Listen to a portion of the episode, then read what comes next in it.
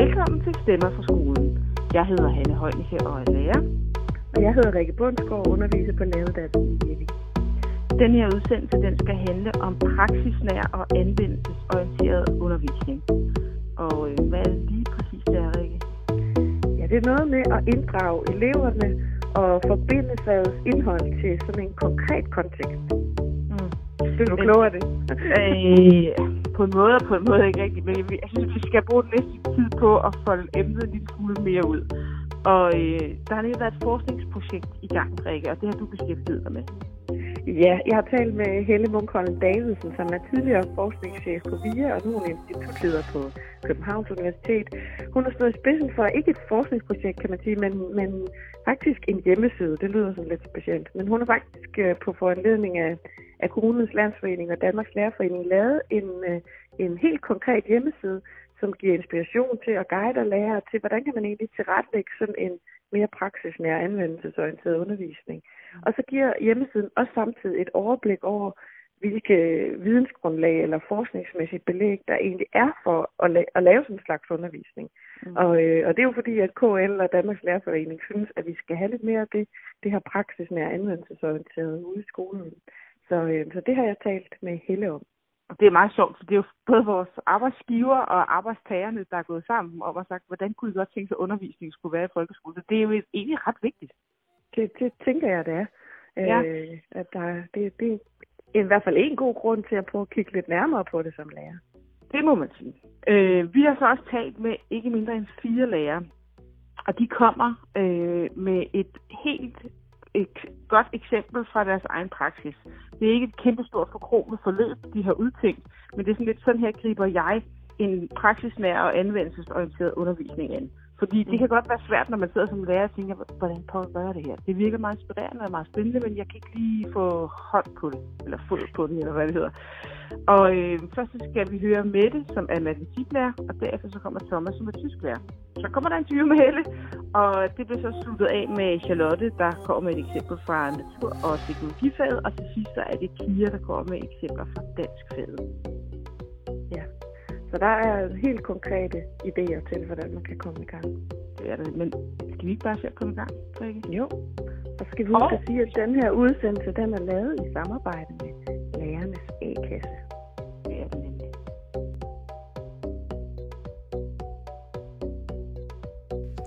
Jeg hedder Mette Fynbo Jensen, og jeg er lærer på Nordjærskolen i Ringe og underviser blandt andet i matematik. Øh, anvendelsesorienteret og praksisnær matematikundervisning handler for mig om at bringe øh, virkeligheden i spil i matematikundervisningen sammen med eleverne. Det handler om at få øje på, hvorhen i deres hverdag de møder matematik, og øh, når jeg, jeg underviser ofte i indskolingen, og når jeg får eleverne i første klasse, så snakker vi allerførst om, jamen, hvorhen møder de matematik, hvorhen bruger deres forældre matematik, hvordan ser det ud, når de er på arbejde, og når de er ude at handle. Øh, jeg plejer at bede dem om at gå hjem og interviewe deres forældre og spørge dem om, hvornår i deres job de har med matematik at gøre. Eleverne plejer på forhånd at sige, at min farmor laver ikke matematik. Men når de så vender tilbage og har talt med forældrene, så, så viser det sig, at, at der er stort set ikke nogen jobs, hvor man ikke øh, bruger matematik. At lege købmandsbutik, det er en klassisk praksisnær aktivitet i indskolingen. Og den kan rigtig, rigtig mange ting, synes jeg. Både i forhold til forståelse af, hvad, hvad ting koster, og hvordan penge ser ud, og hvordan kan jeg sammensætte forskellige beløb af forskellige typer af mønter. Øh, og udover det at, at handle og give penge tilbage, så kan man også lægge øh, lidt mere problemløsende og undersøgende aktiviteter ind i, i købmandstanken. Øh, hvis man for eksempel stiller spørgsmål, eller jamen, hvad kan jeg købe for præcis 20 kroner? Jeg tror på, at det sproglige betyder rigtig meget for, øh, for elevernes forståelse af matematikken og for de faglige begreber. Både at vi øh, bruger fagsproget, men også at vi bruger hverdagssproget og nogle hverdagssituationer øh, til at koble de øh, matematiske begreber op på. At vi for eksempel snakker om, øh, når vi snakker om plus og minus, hvor er det henne i, i verden, at vi møder den slags matematik? Hvad er det for nogle ord, der indikerer, om vi skal regne, det, regne plus eller regne minus? Vi snakker om i alt og til sammen, forskellen og hvor meget har jeg tilbage, så vi får koblet deres ord på, på de faglige begreber.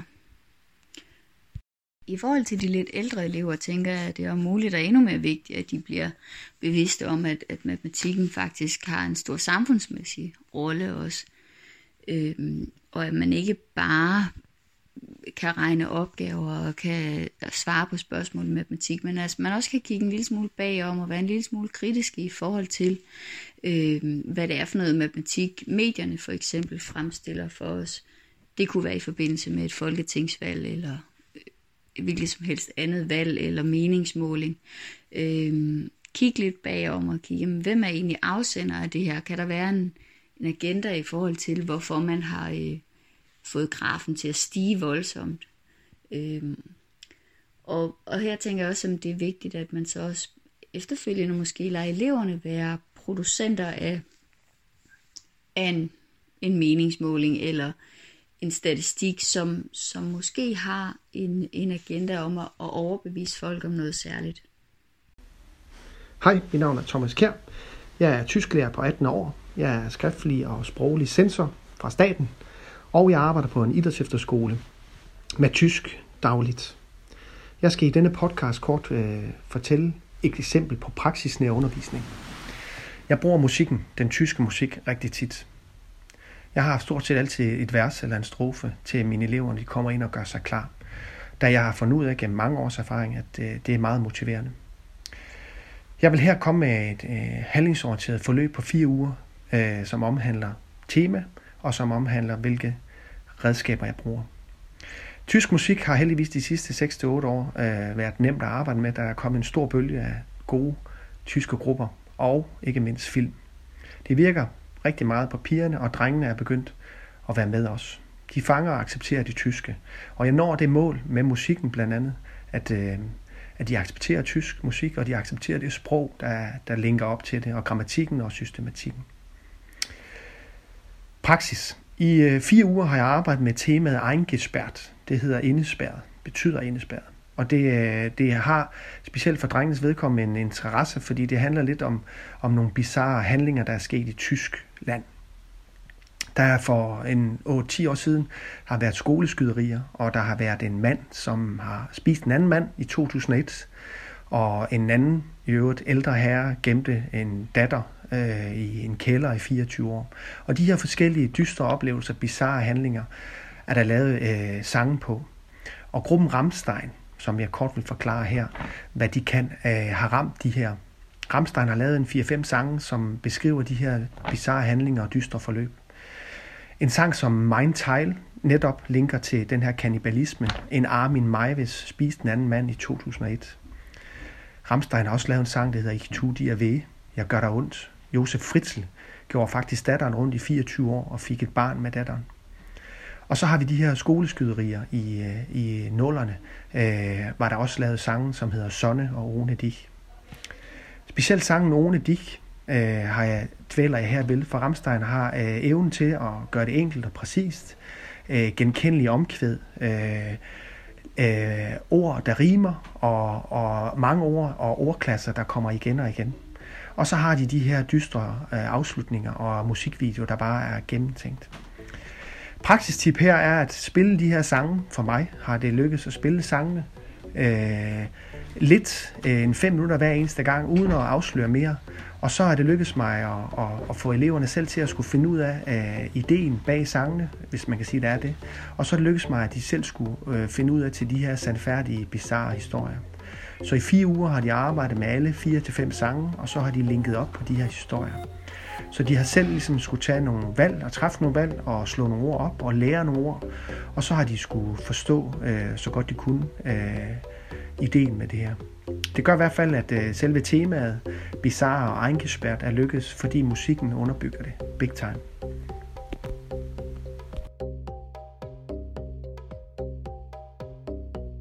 Helle, tak fordi du vil være med øh, her hos os på Stemmer fra skolen.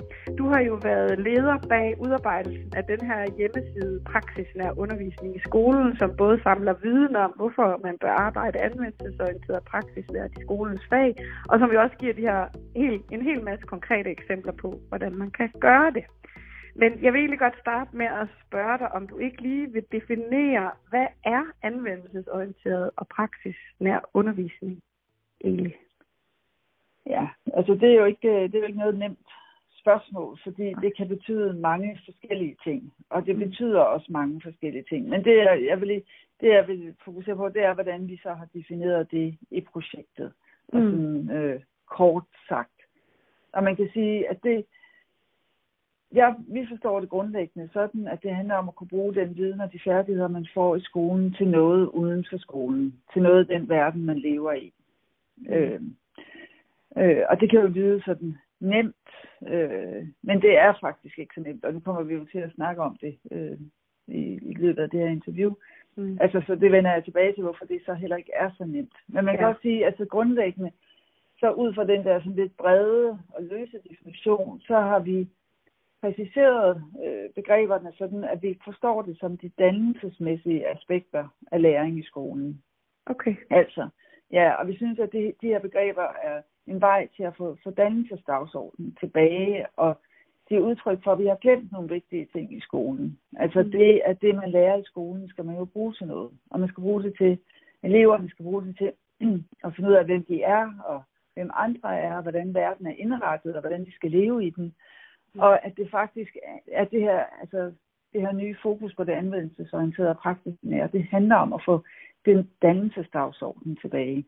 Mm. Så det handler ikke om, at nu skal de lære at blive, altså kunne noget praktisk. Altså de Nej. lærer faktisk rigtig mange praktiske ting allerede i skolen. Altså at lære at læse og skrive og regne og alle mulige ting, det, det er ret praktisk. Mm. Øh, men, men det handler om at forstå, hvorfor de her ting, vi lærer i skolen, er vigtige at forstå ja. sig selv og verden. Så det er det, vi forstår ved det dannelsesmæssige. Så det vil sige, at i virkeligheden kan man sige, at det bliver meget tydeligt, hvordan dannelsen bliver koblet til det faglige indhold. Ja, præcis. Ja. Altså, ja. at dannelsen ikke ligger ud over, men ligger lige præcis inde i fagene og i det konkrete faglige, vi lærer. Hvorfor skal vi lære at regne? Hvad skal vi bruge det til? Ja. Hvad bruger vi det at skrive til? Det bruger vi til mange ting. Det er måder, vi udtrykker os i verden på og kommunikerer med andre osv. osv. Ja. Så det faglige stof er stadig helt centralt, når man arbejder anvendelsesorienteret og praktisk. Ja. ja, altså det må endelig ikke, altså det er der jo, det kan der jo være en tendens til nogle steder, man kan sige, så laver vi nogle særlige projekter og noget særligt praksisnær. Nej, altså for os handler det om, at det her, det er et, et, et aspekt, en dimension ved den helt almindelige faglige undervisning. Mm.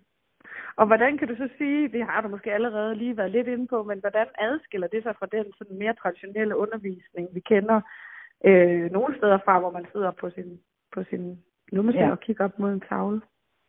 Ja, man kan, altså, sådan groft sagt, kan man sige, altså, sætter vi øh, den, altså den undervisning ind i en kontekst, ind i noget, der vedrører den verden, der er uden for skolen, eller får vi, kommer vi til at isolere den faglige viden mm. fra verden, ikke? Så, så sådan lidt karikeret, så er det jo, når vi sidder og laver øvelser i bøger, ikke? Øh, og bare laver træningsopgaver. Og det kan selvfølgelig også være nødvendigt. Det er ikke for at sige, at det ikke er nødvendigt, men hvis det ikke bliver koblet til den der verden udenfor, og hvorfor det her giver mening. Mm. Øh, altså derved kan man sige, altså adskiller anvendelsesorienteret og praksisnær undervisning så fra almindelig undervisning. Er det sat ind i en kontekst? Ja, det har hele tiden, ja, okay. Så der er hele tiden en eller anden, en eller anden forbindelse til noget andet, eller hvor skal jeg, hvor skal jeg bruge det her henne? Og, og det kan, altså nu, nu taler du meget om samfundet. Ja. Øh, men kan det også være sådan noget, jeg kan bruge sådan lige om lidt? Altså, forstår ja. du, hvad jeg mener? Ja, ja, altså i hverdagslivet. Ja, altså. ja. Og det er et andet aspekt, som vi nok også kommer til at snakke lidt om, mm. som er, vi opfatter som utrolig centralt ved det her, det er, at eleverne fylder meget mere. Okay. Altså, at de, eleverne skal jo lære noget, fordi det giver mening for dem. Og mm. de har rigtig mange spørgsmål. Og de har ja. mange overvejelser og refleksioner. Og de render rundt i, netop i deres hverdag og tænker over det ene og det andet og det tredje og det fjerde. Og de bruger mange af de ting, de lærer i skolen mm. i deres hverdag, uden at de nødvendigvis laver de koblinger. Mm. Så derfor er eleverne ligesom den bedste kilde til at få forbundet den faglige undervisning med verden. Fordi de er ligesom, de er forbindelsesledet. kan ja. Man sige. Så man skal have inddraget dem noget mere i det, der foregår. Meget mere. Ja. Øhm, nu på den her hjemmeside, som, I, som du har været med til at udarbejde, der er der jo også meget fokus på, hvad det ligesom er for et vidensgrundlag, der ligger under ja. den her type undervisning. Kan du sige noget om det? Altså, hvad er det for noget forskningsmæssigt belæg, der er for, at man skal arbejde sådan her? Ja, altså man kan sige, altså da vi begyndte at arbejde med det her projekt, så var det slet ikke nemt at svare på det spørgsmål. Fordi for det første, de der begreber, de findes ikke lige sådan forskningsmæssigt, og det er ikke fordi, de er undersøgt på den måde. Mm. Men da vi så begyndte ja, at, at, at finde ud af, hvordan, altså hvad ligger der så af forskningslitteratur, så blev vi ved med at komme tilbage til kilderne.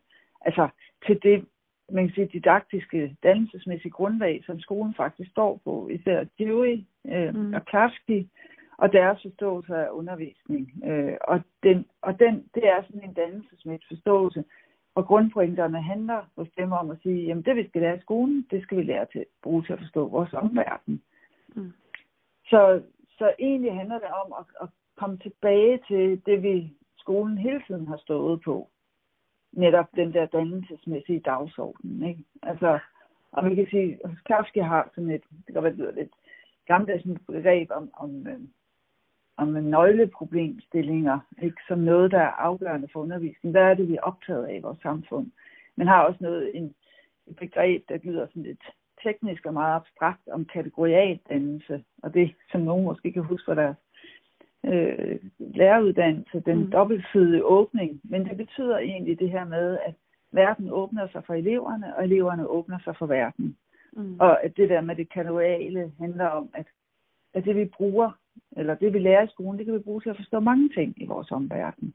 Mm. Så egentlig så har vi grundlaget for det. Det er bare, sådan, som jeg siger, det kommer til at glemme det lidt. Ja. Eller, vi har fået for meget fokus på, på en måde at se på faglige viden og færdigheder på, som adskiller dem fra verden. ja.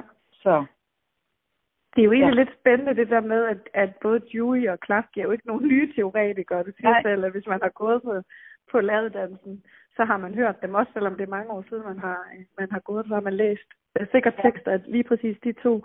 Hva. Ja. hvad, altså, hvordan, hvordan kan det være, tror du, at det ikke er, altså, er sådan helt naturligt for os, at det er den type undervisning, vi laver, når vi egentlig ved, at nogle af de mest centrale teoretikere i skolen, eller i, i øh, som, som danner baggrund for vores uddannelse, siger, at det er den vi skal arbejde på.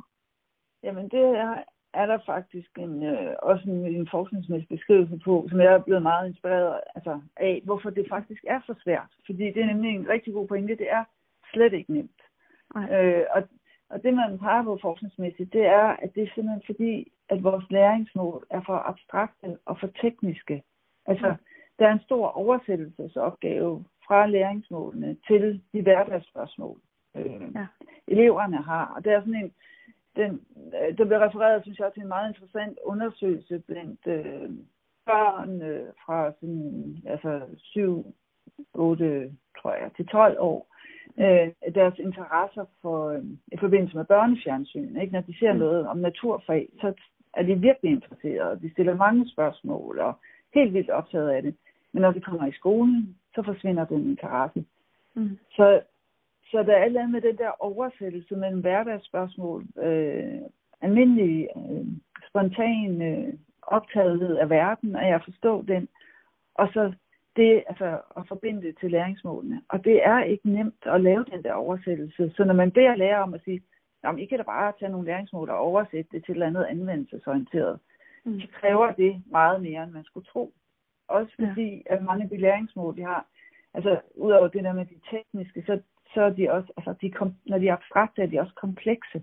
Mm. Altså, øh, og de er tit løsrevet. Altså der er sådan en hel masse løsrevet læringsmål, som jo ikke er sat ind i en kontekst. Ja. Så det at skulle sætte dem ind i en kontekst og oversætte dem og forbinde dem osv., det er meget, meget sværere, end man skulle tro. Ja. Men det er sjovt nok, fordi de materialer, man så i hvert fald i nogle fag ser, man så arbejder med, er jo, ja, det kan godt være, de er komplekse, men de, de kan umiddelbart virke, meget- det kan virke meget forsimplet også. Altså, at ja. Det faglige indhold egentlig bliver meget forsimplet, hvis man for eksempel sidder og træner øh, i tyskundervisningen, tyske verber, eller, eller. Ja. hvad det kan være, ikke? Eller matematik sidder og laver de samme matematikstykker igen og igen. Så det, så, så det er jo egentlig sjovt, at man så også griber til, til noget meget simpelt Forstår du, hvad jeg... Hvad ja, ja, ja, men det forstår jeg godt, men det er jo nemlig, altså hvis vi tager de der verber, altså hvor ser du dem henne i verden? Mm, præcis. Altså, hvordan laver du den oversættelse fra så et, et abstrakt teknisk begreb som verber til de spørgsmål, børn har til verden, og hvorfor er det, at verber, der er ordklasser, giver mening, og vi deler verden op i forskellige ord, og hvad er et verbum, og det har noget med processer og bevægelser, eller hvad det nu kan være. Mm. Altså, men det er, ikke, altså, det er ikke bare noget, man lige kommer på Nej. og får at lave de der oversættelser. Øh, så, men du har fuldstændig ret. Altså, de, de, lige, de ser simple ud, og det er også det, der kan drille, mm. øh, tror jeg. Så jeg ser ja. det her som en, en virkelig central øh, pointe forskningsmæssigt at sige, hvorfor at det her, det, det er faktisk slet ikke nemt at lave Nej. de her oversættelser. Nej. Og så tænker jeg også, at forskning peger også på noget, altså det måske ikke i hvert fald et vigtigt aspekt af den her problemstilling, vi snakker om, når læringsmål bliver sådan lidt formelle og abstrakte. Øh, og vi tror, at nu kan vi give dem ren læring, eleverne. Og, øh, så kobler vi det også læring fra eleverne. Ikke kun fra deres spørgsmål, men også fra øh, elevernes mere værdimæssige forståelse af læring. Øh, og det er jo noget, vi er begyndt at snakke meget om, fordi at de her STEM og science og engineering, alt det her er kommet selvfølgelig meget i skolen, at vi har nogle stereotype forestillinger om, hvordan sådan en science-elev er, og noget med kønsstereotyper og den slags. Ikke? Øhm, så, så, og vi får ikke, hvis vi kun ser sådan abstrakt på læring, og ikke får eleverne med og deres værdimæssige forståelse af læring og sig selv og verden, så er det faktisk svært at koble dem til læringen. Øh, hvis man nu er bare er en, en kreativ science-elev, ikke? Øh, ja. Der ikke, altså, som, eller en samfundsengageret science-elev, ja. øh, som kobler til nogle andre værdier. Hvordan får vi så de elever i spil og deres interesse? Altså, så der gemmer sig utrolig meget i de her meget, så, altså, øh, abstrakte og som du siger, egentlig enkle læringsmål, de er slet, slet ikke uskyldige. Øh, så det er, er interessant at få dem pakket op og pakket ud. Ja. Og det, altså, for jeg tænker også, at jeg kender til nogle af fællesmål, i hvert fald øh, hæfterne, der er der jo faktisk også, altså i hvert fald en, en, tror jeg, i nogle fag, en forestilling om, at det egentlig er den her måde, man gerne vil have, at faget skal udvikle sig på. Altså, hvor der er ja. fokus på i virkeligheden nu kender jeg meget til dansk, øh, og der er i hvert fald inde i dansk faghæftet gemmer sig en forestilling om netop om kompetencer, om at kunne anvende ting i situationer. Så det står der jo egentlig, men det kan godt være, at det står der på, som du siger, at det er ret komplekst og abstrakt, hvordan man så omformer det til noget helt konkret i skolen. Øh, ja, du har ret. Jamen, jeg synes også, at kompetencemålene i fællesmål altså, mm. er, er gode. Altså, og man kunne sige sådan lidt provokerende, at hvis man bare kunne undervise ud fra dem, altså mm. give lærerne de der, for eksempel i dansk, fire kompetencemål, mm. øh, og så give dem frit, frit slag. Mm. Altså, øh, fordi det der også sker, det siger den her, altså, den her forskning også på, det er, når der er så mange og så omfattende øh, læringsmål, så bruger lærerne alt deres tid på at skulle mm. igennem det der, ikke? Ja. Øh, og der er ikke plads ret meget til at, at, at tænke det ind i kontekst eller forme det på andre måder. Og jeg ved godt, altså det er jo en, altså en interesse for at tage vare på det faglige niveau og, og sådan ja. noget, man skal lære noget. Øhm, og det er der ikke nogen, der vil altså, altså ændre på på den måde, men de, altså jeg vil våge at sige, at de der læringsmål, de er ikke formuleret hensigtsmæssigt. Nej. Altså i forhold til at lave koblingerne til omverdenen. Men jeg tænker også på læreruddannelsen. Nu underviser jeg selv på læreruddannelsen, og der tænker jeg, at det, det er også en opgave, det kunne jeg også se, I lige sætter fokus på på hjemmesiden der. Det er også en opgave for, for læreruddannelsen måske i virkeligheden, at den måde, vi underviser på, øh, og den måde, vi arbejder med de studerende i forhold til at kunne omsætte nogle af de her faglige forestillinger til noget konkret. Altså, ja. der må også ligge en opgave der, eller hvad tænker du om det? Jamen, det, det, det, det synes jeg er helt sikkert. Altså, der ligger en opgave. Jeg har også selv undervist på læreruddannelsen på et tidspunkt, der også øh, arbejdet med, nogle, med litteraturdidaktik ja. øh, i stort omfang. Og, og jeg har altid været optaget af, at, at det skal være mening. Altså, man skal finde ud af, hvad skal man bruge det her til? Hvorfor skal vi ja. lave tekstanalyse? Ikke? Hvorfor skal ja. vi læse de her forfatterskaber? Hvad er det, vi kan lære af litteraturen? Ja. Og det, det burde efter min opfattelse også fylde meget, meget mere på læreruddannelsen. Øh, mm. Øh, fordi det er som om, at den viden bliver travlt. Vi ved det jo godt. Ja. Ja. Øh, vi får det bare måske ikke, øh, for, for, for det ikke formuleret. Okay. Jeg, nu er jeg jeg har også arbejdet en del med skoleprojekter og innovations- og entreprenørskabsprojekter, Ja. hvor jeg synes, det var meget påfaldende, at jeg talte med nogle lærere, og det var ikke for at dem, øh, hvor vi sagde, men hvad skal man bruge matematik til? Og det synes de var svært, ikke? Mm. Fordi det blev også meget abstrakt og teknisk. Men når man så så på alle de her projekter, eleverne lavede, så brugte de alle sammen matematik. Ja. Altså de lavede øh, mål, altså sådan tegninger, hvor de brugte målestoksforhold, de lavede budgetter, de lavede beregninger. Altså, Ja. det var noget af det, de brugte allermest. Ja. Øhm, så noget af sådan, altså meget af det tror jeg handler om, at vi ikke har vi ikke bruger tid på at udfolde, hvorfor al den viden, vi lærer eleverne i skolen, giver mening. For der er ikke noget galt med noget af den viden, de lærer. Altså det er virkelig brugbart alt sammen. Det Ja. glemmer bare at få det sagt og talt om det. Ja. Så det der med at, tale om hvorfor, altså formål, der, der er rigtig mange gode ting at hente i formålene på skolens ja. fag også. Ja. Øh, ja. Også på læreruddannelsen. Og prøve at altså, tage afsæt i det. Hvorfor er det, Mm. de skal Mm. lære de her ting? Ja. Jamen, så kan det også være, at man måske vil prioritere lidt anderledes i, altså, i, i, i de opgaver, man laver. Ikke? Altså, Ja. når man får kigget på fagets formål og på fagets indhold, hvad er det så egentlig, jeg vil sætte, sætte allermest fokus på, når jeg arbejder i dansk eller i matematik eller i naturfag? Øh, hvis det er noget, der skal kunne bruges på en eller anden måde. Det synes jeg, det er spændende. Øh, men, men hvis vi går lidt tættere på det Ja. her med, når læreren nu skal planlægge sådan en undervisning her, Ja. så, så ved jeg, at der ligger nogle didaktiske principper, som I har arbejdet med, som du måske kan sige lidt om. Ja. ja, men det har vi tænkt, hvordan skulle vi omsætte det her til noget, som øh, lærerne kunne bruge i dagligdagen. Ikke? Fordi vi gerne vil have det ind som en, en anden måde at tænke den faglige undervisning på. Så man skal ikke gøre noget andet eller nyt eller særlige projekter. Det er simpelthen nogle måder at sige, jamen det her, det kan du bare bruge i din daglige undervisning i alle, alle timer. Mm. Øh, og, ja, og nu kan jeg lige gennemgå, vi har seks principper, men jeg vil, Ja. inden jeg gør det, vil jeg sige helt overordnet, der er to ting, der er vigtigere end alt andet. Og det ene, det er at inddrage eleverne. Mm. Altså, og deres spørgsmål. Altså at give mm. dem meget mere, altså få dem til at fylde mere i undervisningen. Ja. Øh, og det andet, det er altid ligesom at vise, hvad har man af kontekst lige omkring sig i den lokale kontekst, i det, som eleverne bringer ind med spørgsmål, det der lige er i, i, i det aktuelle samfund. Altså, hvor meget af det kan man bruge? Øh. Mm. Men derudover, så er det det der med, at altså, for eleverne meget i de her didaktiske principper. Så det første, det hedder at give eleverne medbestemmelse og selvbestemmelse. Øh, fordi når man gør det, så får man deres altså, kobling mellem fagligheden og deres spørgsmål til verden i spil. Helt, helt automatisk.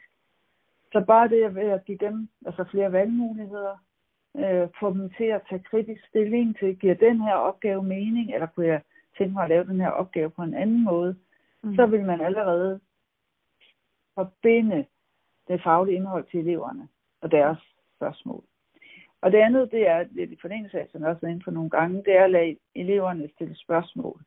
Altså, så det er simpelthen bare at sætte tid af til at få dem til at stille spørgsmål til det faglige stof, og hvad, hvad synes de om det, eller hvordan kan de, øh, jeg er ikke så meget måske, hvad de synes om det, men hvordan kan de forbinde det til den verden, der, der er, fordi de, altså, de kan rigtig meget, de tænker rigtig meget. Mm.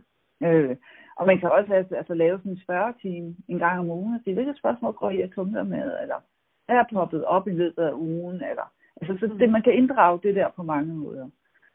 Øh, og så er det at inddrage hverdagslivet, altså at gøre det i de faglige opgaver, og måske gerne lidt tættere på det der elevernes aktuelle nutidige liv.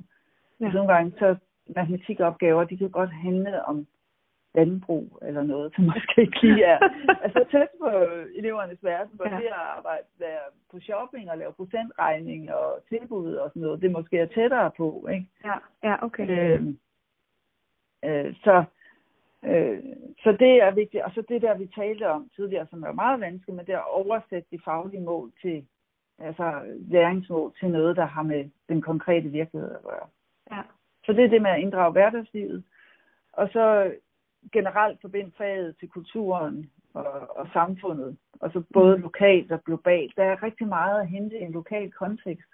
Ja. Altså, der er, der er mange samfundsmæssige ting, der er mange kulturelle ting i hver lille lokal kontekst, og de baggrunde, som eleverne kommer med, og den forskellighed, de også repræsenterer. Øh, så nu, altså, og der ligger masser af materiale på, på det her, også i forhold til FN's verdensmål, hvis vi går ud på det globale, og ja. nu snakker vi om science og engineering, de har også masser af gode øh, forløb øh, til det her. Mm. Men det handler også om, at man som lærer hele tiden tænker i de forbindelser og de ressourcer, man har læringsmæssigt i, i den her øh, lokale kontekst. Så simpelthen mm. se rummet uden for skolen som et læringsrum også. Øh. Ja. Så kan man også understøtte ved at lade eleverne eksperimentere og undersøge faget. Det er jo også en tradition, vi kender rigtig godt fra Dewey. Øh, men nogle gange kan det også altså, man siger, bare blive til eksperimentet for eksperimentets skyld, i sådan en science-undervisning.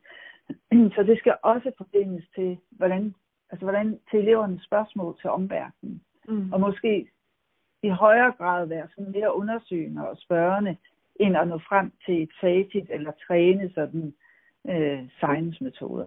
Ja, okay. Øhm, og, og også, at, ja. man kan ligesom tage udgangspunkt også i, hvad eleverne er optaget af at undersøge. Præcis.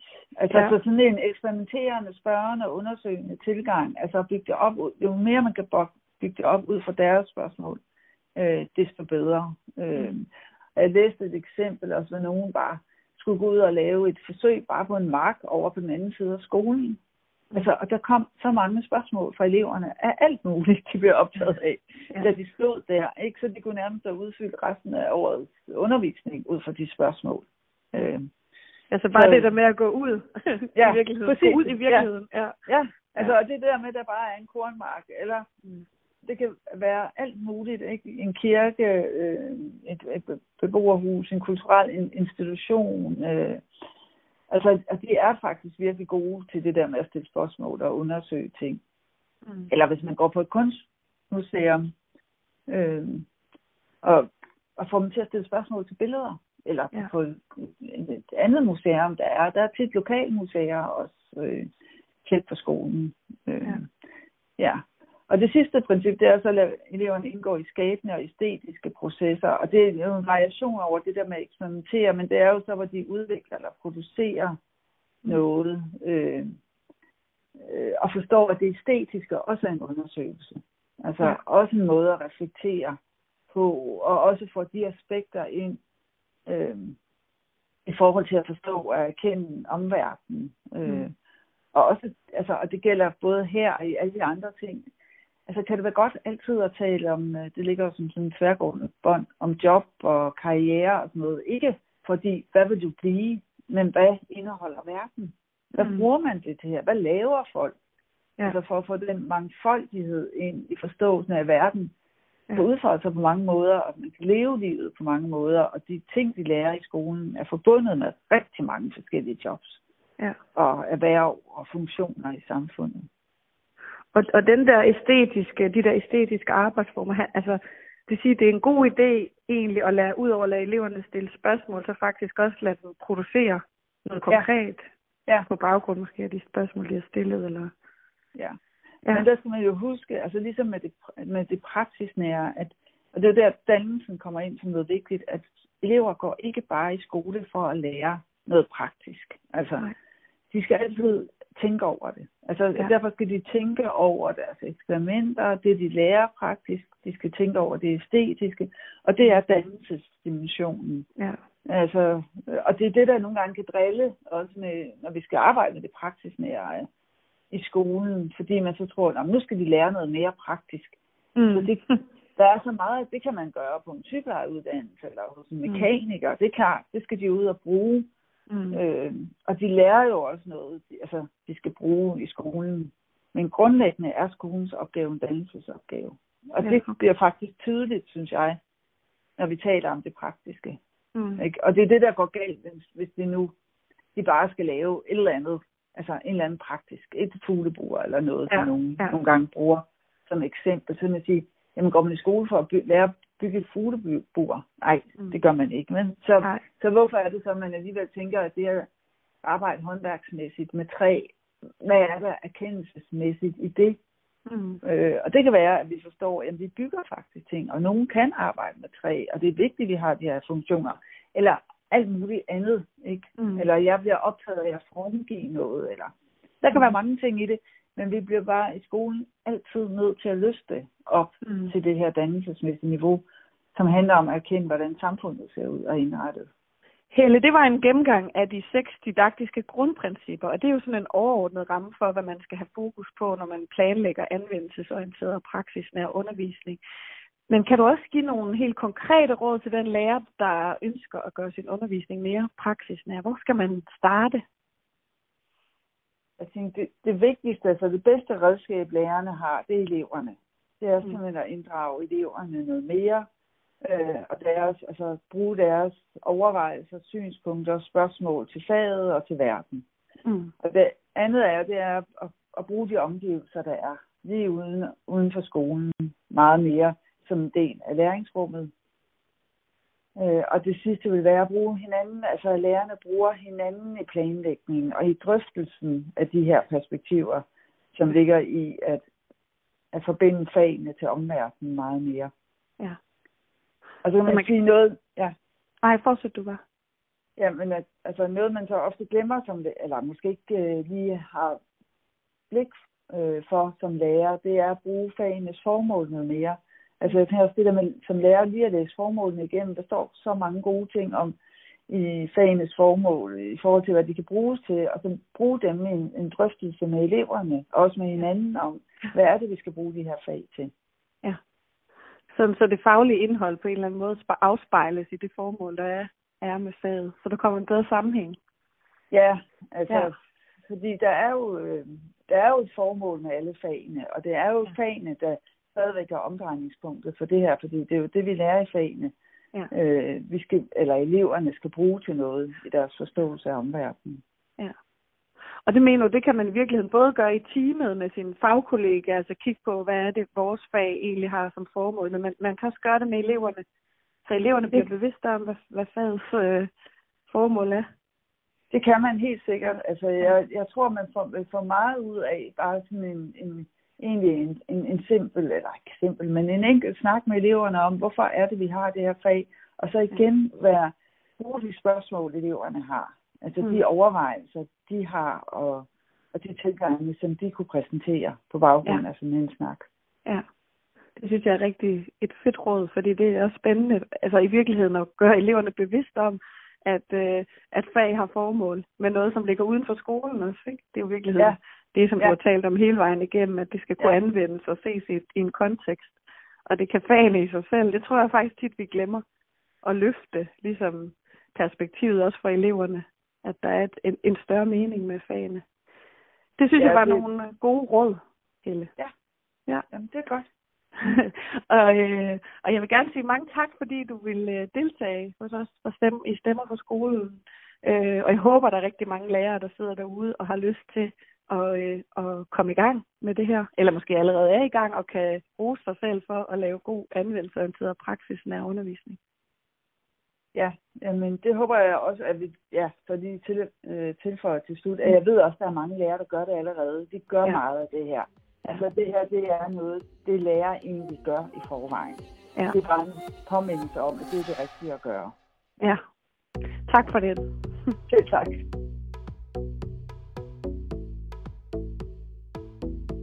Mit navn er Charlotte Damgaard Hansen, og jeg arbejder til daglig på Bredsen Gadebjerg Skole, hvor jeg blandt andet vil undervise af og så er jeg også ressourceperson inden for naturfagene. Og jeg vil gerne fortælle lidt om, hvordan jeg inddrager eleverne i min undervisning. Det er først og fremmest gør, når jeg har en lektion med eleverne, der er 4-6 fagbegreber som er fokus, så ved alle, hvad det er, de skal nå i løbet af en enkelt undervisning. Herudover så laver vi et forsøg eller en undersøgelse, hvor vi starter med at opstille hypoteser, og det gør jeg netop for at inddrage eleverne i undervisningen, sådan så jeg kan høre, hvad tænker de om forsøget, hvad tænker de om emnet, hvad tror de, der sker. Men også fordi, så kan jeg få deres forforståelse for emnet, og deres svær deres forståelse kommer også i spil, sådan så jeg hele tiden ved, hvad er, det, hvad er det, de ved, når de skal arbejde med det her emne. Når vi har opstillet de her hypoteser, øh, så laver vi forsøget, og så snakker vi om, hvad der sker under forsøget, og her efterfølgende tager vi fat på en fagtekst, sådan så vi kan koble hvad der var, der skete på noget fagligt, sådan så de sidste ende når de fagbegreber, som så har været i fokus. Og jeg vil gerne give et helt konkret eksempel på, hvordan jeg gør det her. For eksempel i min 5. klasse, der skulle vi for nylig se på knoglernes opbygning, og jeg, derfor var et af fagbegreberne kalk. Det eleverne så skulle, det var, at de skulle undersøge, hvad sker der, når vi putter et æg i eddike. Og det vi så gjorde inden, det var at opstille de hypoteser, sådan så eleverne blev inddraget med starten. Hvad tænker de, hvad tror de, der sker? Nogle af eleverne mente, at jeg har, har lavet det her forsøg før, så der er noget med æggeskallen forsvinder, der er også noget med, at det kan hoppe. Men de kunne ikke helt sådan huske det. Der var også andre, der aldrig havde prøvet det, og sagde, jamen hjemme i mit køkken, når jeg bærer, der knækker skallen, så der er måske det samme her. Vi puttede æg i eddike og tog det frem en uge efter, hvor eleverne så fandt ud af, at æggeskallen den var forsvundet, ægget var blevet større, og det kunne faktisk hoppe. Og det vi så kom til at snakke om fagligt, det var netop, jamen, hvad der skete. Vi kom ind på osmose blandt andet, kemisk reaktion, og de her faglige ting, som hører med til men efterfølgende var der faktisk en elev, der spurgte mig, hvad nu hvis vi lægger det lægge en uge ekstra i eddike, eller hvad nu hvis vi lægger knogle i eddike? Og det er det, der ofte sker i min undervisning, synes jeg. Der er elever, der byder ind, hvad nu hvis der sker det, eller hvad hvis nu hvis vi gør det? Så bruger jeg deres tanker i det, og giver dem medbestemmelse på den måde, og siger, okay, vi undersøger videre på jeres tanker, og prøver det af ugen efter. Og det gjorde vi også, og vi fandt så ud af, at mit æg bliver ikke større, hvis det ligger i eddike en uge ekstra. Og knogler forsvinder altså ikke på en uge. Så det er lidt om, hvordan jeg gør min undervisning for at inddrage eleverne og give dem medbestemmelse. Og hvis du har lyst til at se mere, så kan du se det på min profil på Instagram eller på Facebook, som hedder Charlottes Teacher Web. Mit navn er Kia Lundsgaard, og jeg underviser i dansk i udskolingen på Holmegård Helderskole ved Næstved. Når jeg underviser i litteratur, så er det enormt vigtigt, at eleverne får en fornemmelse af, at de kigger ind i verdener, de ikke anede eksisterede. At de får en forståelse for, at der findes mennesker, som både føler og tænker, som de gør, men at der også findes mennesker, som tænker, føler og handler markant anderledes, end hvad eleverne gør. Litteraturen kan åbne for, at vi kan få lov til at kigge bag om adfærden, at vi kan få lov til at kigge på mennesker og deres relationer og deres miljø og deres opvækst, og prøve at få en forståelse for, hvorfor de tænker og gør, som de nu gør. Og i det analytiske og øh, fortolkningsarbejde, som jeg øh, laver med eleverne, benytter jeg mig enormt meget af de medier, de sociale medier, som eleverne jo også bruger til hverdag, og som, er, og som de er trygge ved. For eksempel, når vi skal lave en personkarakteristik, så er det øh, sjovt at bruge det program, der hedder Fakebook, hvor eleverne går ind og opretter profiler ud fra de karakterer, som der findes i de øh, skønlitterære tekster. Hvilke statusopdateringer vil de lave, og hvilke kommentarer vil der komme undervejs? Og her kan man jo bruge nogle af de af bipersonerne fra, øh, fra teksterne, som så kan gå ind og kommentere undervejs. Det gør, at eleverne kender det der medie, de føler sig trygge i, plus at de skal sætte sig selv i stedet, eller sætte sig selv ind i karakterernes tanker og bevæggrund for, hvorfor de nu skriver, som de gør. Så Fakebook er, øh, er enormt sjovt. Så findes der også den app, der hedder Text in Story, hvor øh, man skriver sms'er her kan man vælge op til fire personer, der skriver sms'er til hinanden. Og når sms-korrespondancen er slut, så gemmer appen det som en lille film, som man så kan spille i sin helhed. Og her, når eleverne skal gå ind og, og, og skrive sms'er på vegne af de karakterer, de møder i teksterne, så skal de også kunne se bag om adfærden og kunne sætte sig ind i, hvorfor og hvordan karaktererne nu skriver de her sms'er på den måde, de gør. Så, så mit praksistip er at bruge de medier, som eleverne føler sig trygge ved.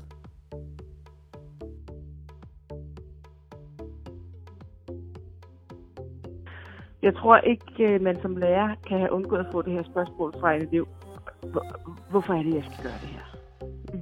Det, er, det kan godt virke en anelse provokerende, når man står i situationen, men øh, ikke desto mindre, så er det faktisk et ret vigtigt spørgsmål vil sige, det er et ret rimeligt spørgsmål i virkeligheden også at stille. Hvad er det, jeg skal med det her? Hvad skal jeg bruge det til? Og det, grunden til, at vi måske er mange lærere, der har hørt det, er måske også, fordi vi indimellem selv glemmer at stille os selv det spørgsmål. Ja. Altså, hvad er det, vi skal med det her, de her øh, opgaver i bogen, eller øh, med det her forløb? Og jeg synes, det, det er jo også en af måske de vigtigste pointer bag det her anvendelsesorienterede praksisnære undervisning, at man skal tage udgangspunkt i det faglige indhold og prøve at kigge på, ja, hvordan kan det give mening i en, i en kontekst. Altså, hvornår kan eleverne få brug for det her lige nu, eller i fremtiden, og hvordan kan de forstå om verden med det her faglige indhold. Det synes jeg virkelig, altså man kan sige det på en eller anden måde, kan man jo sige, det er da banalt, at man skal spørge om det. Ja, selvfølgelig skal man det, men det er altså også noget af det, vi indimellem glemmer. Ja, og så skal man ikke lige lade sig nøje med det første svar, man får, ikke? Altså, man må godt tænke lidt videre. Det ja, det er vigtigt, fordi vi skal, vi skal træne udsangsord. Hvorfor er det, vi skal træne her udsangsord? Ja, lige præcis, godt... lige præcis. Og faktisk også ture nogle gange at sige, så kunne det være, at det var noget andet, jeg skulle have fokus på. Hvis jeg faktisk ikke helt selv kan få sige, hvad det er, vi skal med det her, så kunne det være, at jeg skulle prøve at vende mit blik et andet sted i faget og se, nu kunne det så være et andet indhold, der bedre kunne leve op til nogle af de mål, som, øh, som jeg skal arbejde hen imod. Det tror jeg også er vigtigt. Altså, jeg tænker på udsendelsen, vi havde om kontekstorienteret grammatikundervisning. Ikke? Altså, ja. hvor, jo, som er noget, vi gør, vi, ja, ligger meget på den, ikke? Mm.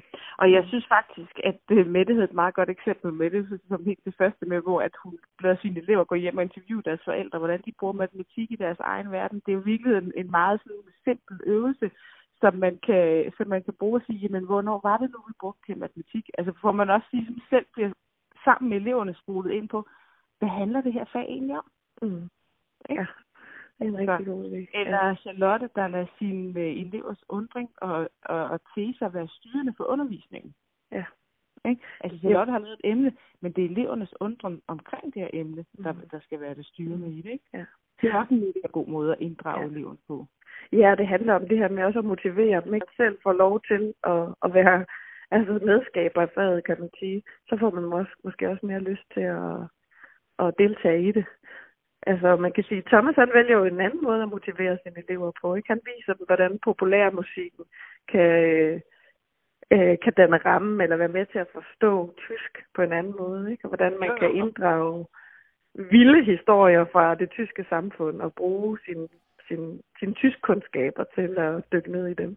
Ja, ja, at, at, at populærmusik ikke bare er, er en fed energi, men faktisk også en måde at at, at, at fordøje et nationalt traume på. Ikke? Altså, ja, det, ja. Det, er en, øh, det er noget, der faktisk bliver brugt af nationen. Ikke? At det der med at forstå den tyske nation. Og så synes jeg også uh, give et eksempel med, med dansk. Jeg stillede det faktisk for min egen datter, der, der går i 8. klasse. Mm. Og hun sagde, Gud, det gad jeg sgu godt at prøve. Ja. Og bare det der, at hun havde det der. God. Ja, fedt. Ikke? Ja. Altså, og det synes jeg faktisk lød altså sådan lidt, nå ja, det kan være, hun skal prøve den dag. ja, ja, og det er jo det der med, hvordan de medier, de går og bruger hele tiden selv i deres øh, dagligdag til at kommunikere hinanden, med hinanden. Hvordan de kan bruges til også at forstå noget som, altså, som litteratur, som kan være svært at få hul på. Ja, men også at, at, lade, at gå ind i litteraturen ved at bruge et medie, som man kender. Et medie, hvor man ikke behøver at stave det helt rigtigt. Et medie, mm. hvor, hvor det hele behøver at være så perfekt, og hvor det faktisk er eleverne, der er eksperterne. Ikke? Mm. Fordi jeg er ikke en stor ekspert i nogle sociale medier. Og det er fedt at lade eleverne komme på banen i, hvordan man kan bruge det, hvordan kan man lave nogle stories, som, øh, som, som de her fortællere i historierne kan være. Hvordan kan man sætte en anden spiller ind? Hvad kan der så ske for historien? Mm, præcis. Det er også ret interessant at arbejde med. Ja. Så det er helt tydeligt, at der er de der to i hvert fald fokuspunkter. Ikke? Inddrage eleverne noget mere, og tage udgangspunkt i faget, prøve at få det sat ind i en, en meningsfuld kontekst. Der kan man jo i hvert fald starte. Det er i hvert fald godt mm. synes jeg. Det var Stemmer fra skolen fra denne gang. Vi er som altid glade for, at I lyttede med. Vi linker selvfølgelig til Helles hjemmeside inde på både Instagram og på Facebook og der kan I gå ind og læse mere. Tak fordi I lyttede med. Vi lyttes ved en anden god gang.